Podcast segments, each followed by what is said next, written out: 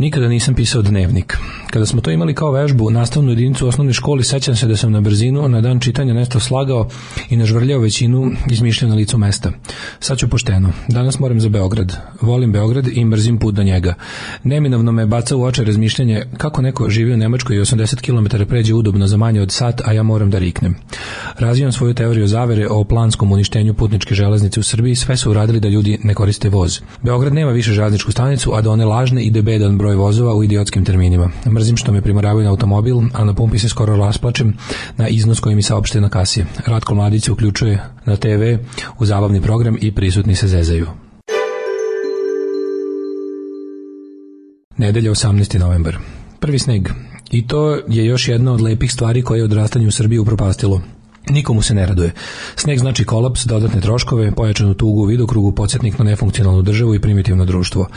Sinoć sam tako dobro večerao. Jedan od onih obroka koji ti ostavi dobar osjećaj i nakon što se sutradan konačno rastanete. Suicidalnu naviku da vrtim Twitter dok vozim autoputem po kojem još pada sneg, plaćam ne sudarom, nego skokom krvnog pritiska na 200. Koja poganština i zlo isijeva iz profesionalnih trolova. Još više me u oči bacaju oni koji ne mrze i ne truju za pare, nego su autentični čuvari koncentracionih logora koji trenutno nemaju priliku da rade to, pa daju sebi oduška online. Ponedeljak 19. novembar. Premijerka Srbije dobila je priliku za međunarodni popravni ispit. Nakon što je u intervju za Deutsche Welle pokazala ko je i šta je i koliki intelekt u to ulaže, došlo je do kratkog spoja i unutra i napolju.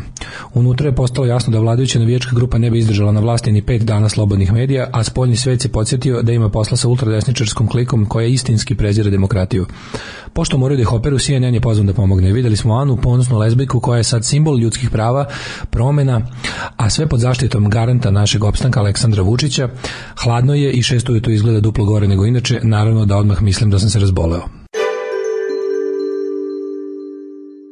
Utorak 20. novembar. Utorak je gori od ponedeljka. Jutro je hladno, vetar duva tako da ponižava svakog ko se našao na ulici. Mlađi ja smo se danas nekako ekstra zabavili u emisiji. Volim kad spremamo songove za naš živi nastup, a danas smo to radili. Bukvalno se ugrejemo smehom. Prošao sam pored postamenta spomenika kralju Petru koji će se naći na a gde drugde trgu Republike, ovom u Novom Sadu. Na prednjačko srbovanje nema meru, a tek što nema ukus. Vojvodina se stalno mora dosrbljavati da ne ispari ovo srpstvo koje postoji. Perverzno me zabavlja, ali i baca u jarak besmisla. Zašto sve rade tako smešno? Ali ima neke poetske pravde u tome da svi ti večito ozbiljni i epski nastrojeni desni likovi uvek dobiju smehotresan rezultat svog rada. Spomenici koje otvaraju i svetkovine koje prave su uvek pravi transfer blama. Sreda, 21. novembar. Pobeda. Uzviknuo je grafičkim putem na društvenoj mreži Nebojša iz Beograda Stefanović. Pola čovek, a pola niz okolnosti. Srećnih po njega i nesrećnih za sve ostale. Kosovo nije primljeno u Interpol. To nam je ponuđeno kao neviđena pobeda srpske diplomatije. To mi imamo da se radujemo dok glođemo kosku. Ivica Dačić je stvar dosolio sa džiberskom doskočicom na račun austrijskog premijera, kojem je prezime poslednja stvar koju imam da mu zamerim. Opšte narodno, dakle, opšte naprednjačko radovanje, kao ostavljeni muž koji će da rikne od sreće, jer mu bivša žena nije dobila kredit da ide na more sa novim momkom.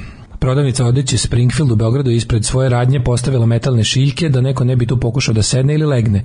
Ipak ima još nekoliko ljudi koji su to vidjeli kao istinski neljudsku i odvratnu stvar i dovoljno glasno protestovali. Šiljci su sklonjeni. Pobeda. Četvrtak 22. novembar. Zbog vanrednih okolnosti ovaj dnevnik imaće samo 6, a ne 7 unosa. Danas završavamo, a i tamo da se spremim za rat. Rat, rat, rat gruva sa svih režimskih naslovnih strana. Zli šiptari hoće rat, naravno. Mi se samo branimo, kao i uvek. Do duše radi se o trgovinskom ratu. Nešto kao ono Trumpovo sa Kinom, samo još debilnije, balkanska verzija. Albanci poduplali marže na proizvode iz uh, Srbije. Naravno, znamo da trange frangi biznismeni sa obe strane sprovode business as usual, ali mora se raja držati vazda naoštrenom. Ovo je 23. rat koji se dešava u našim tabloidima ove godine i bit će 23. iz kojeg će nas AV u poslednji čas spasiti mudrim odlukama. A imam i drugih problema. Znate li neko ko iznajmljuje garsonjeru u Novom Sadu? Hvala.